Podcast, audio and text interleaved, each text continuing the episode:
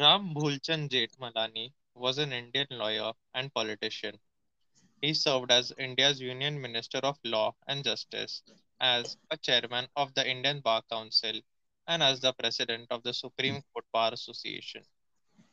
He was noted in the legal fraternity for his forte in criminal law and high profile civil cases. Jethmalani obtained his LLB degree at the age of 17 and started practicing law in his hometown, Shikarpur, until the partition of India. The partition led him to move to Mumbai as a refugee, where he began his life and career afresh. He announced his retirement from poli- judicial profession in 2017. Throughout his political career, Jethmalani worked for improving the relations between India and Pakistan owing to his experience as a refugee post partition. He was elected as member of the Lok Sabha twice on Bharatiya Janata Party tickets from the Mumbai North West constituency. He also served as the Union Minister of Urban Development in the first Atal Bihari Vajpayee ministry, against whom he later contested election in the 2004 Indian general elections from the Lucknow constituency. He later returned to BJP in 2010 and was elected to the Rajya Sabha on its ticket. Jethmalani was awarded with the Human Rights Award by the World Peace Through Law in 1977. He authored books such as Big Ego, Small Men, Conscience of a Maverick, and Maverick Unchanged, Unrepentant, among others. He also co authored legal scholarly books on different fields of law. Jethmalani was born in Shikarpur, Sindh, in the Sindh division of the then Bombay Presidency. He got a double promotion in school and completed matriculation at the age of 13. At the age of 17, he secured an LLB degree from the Bombay University with first class distinction. At that time, the minimum age for becoming a lawyer was 21, but a special exception exception resulting from an application that he made to the court contesting the rule regarding minimum age was allowed to him to become a lawyer at the age of 18. He received his LLM from Bombay University since did not have a university of its own at that time. Jethmalani married his first wife Durga in an in- traditional Indian arranged marriage around the age of 18. In 1947, just before partition, he married his second wife Ratna Sahani, a lawyer by profession. His family includes both of his wives and four children, three by Durga and one by Ratna. Among his two sons and two daughters, Mahesh and Rani have become Supreme Court lawyers, while Mahesh is also a BJP leader and Rani a social activist. Ram Malani started his career as a lawyer and professor in Sindh before partition. He started his own law firm in Karachi with his friend A.K. Brohi, who was a senior to him by seven years. In February 1948, when riots broke out in Karachi, he fled to India on the advice of his friend Brohi. And when he came to India in that day, he had only rupees 10 in his pocket. And with that note, he stayed in the refugee camp for a few days. Jethmalani fought his first case at the age of 17 in the court of Sindh under Justice Godfrey Davis, contesting the rule regarding minimum age passed by the Bar Council of Sindh. In a talk at Algebra in June 2017, Jethmalani recounted his first case fought in India as a refugee. The newly introduced Bombay Refugees Act treated refugees in an inhumane manner, against which Jethmalani filed a case in the Bombay High Court, praying for the law to be declared unconstitutional, a case he won. Jethmalani later came to be noted for his appearance in the Nanavati case in 1959 with Yashwant Vishnu Chandrachud, who later became the Chief Justice of India. His defense of a string of smugglers in late 1960s established his image as a smuggler's lawyer, to which he mentioned that he only was doing his duty as a lawyer.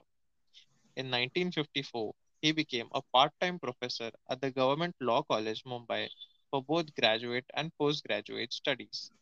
He also taught comparative law at the Wayne University in Detroit, Michigan. He has been the chairman of the Bar Council of India for four consecutive tenures before he be- before as well as after the emergency. In 1996, he was also the chairman of the International Bar Association. He has served as the professor emeritus for Symbiosis International University Law Schools. In 2010, he was also elected as the president of the Supreme Court Bar Association. During his career, of high-profile defense as lawyer, people involved in market scams such as Harshad Mehta and Ketan Parekh, and a host of gangsters and smugglers, including the British citizen Daisy Angus, who was acquitted of hashish smuggling after serving five years in jail. He also defended L.K. Advani in the Hawala scam. He was in the news for taking up the defense of Manu Sharma, prime accused in the Jessica Lal murder case. However, he failed to get Manu Sharma acquitted. He was to be defending Lalit Modi, former Indian Premier League chairman and commissioner. Some of the cases Jethmalani appeared in include the defense of Indira Gandhi's alleged assassins, challenging the medical evidence on record, defending Harshad Mehta in a stock market scam, and the Narsimha Rao bribery case, defending Ketan Parekh in a stock market scam, appearing in a case involving Mumbai mafia gang leader Haji Mastan, speaking on record against the death sentence of Afzal Guru, through though he had not taken up the case, defending L.K. Advani in the Hawala scam, defending Manu Sharma in Jessica Lal's murder, defending Amit Shah in the Sohrabuddin encounter case, defending Amit Jogi in the Jaggi murder case, appearing for Sanjay Chandra Bales in the 2G Spectrum case, appearing for Kulbhushan Prashas Bail in the Navy War Room leak case, defending Kanimozhi in the 2G Spectrum case, appearing in Y.S. Jagan Mohan Reddy's special petition on stay for CBI probe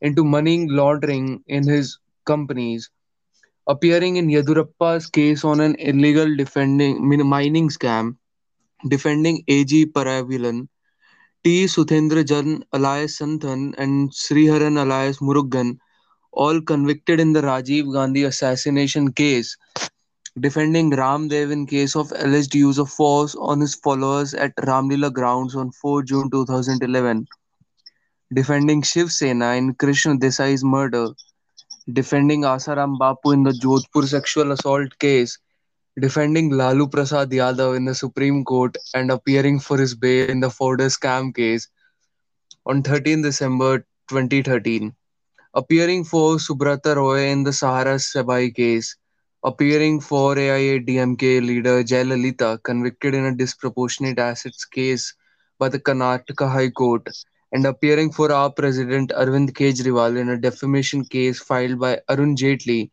amongst others.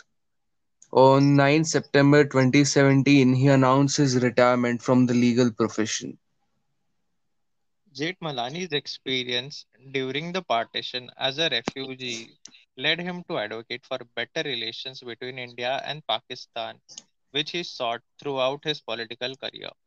He contested as an independent candidate from Ulhasnagar, supported both by the Shiv Sena and the Bharatiya Jana Sangh, but he lost the elections.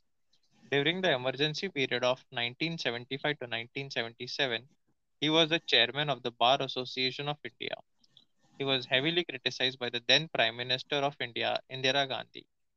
An arrest warrant was issued against him from Kerala, which was stayed by the Bombay High Court when over 300 lawyers led by Nana Palkhiwala appeared for him.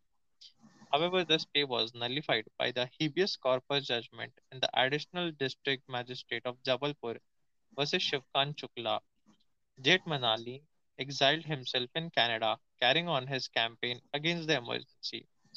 He returned to India 10 months later emergency was lifted. While in Canada, his candidature for the parliament was filed from the Bombay Northwest constituency.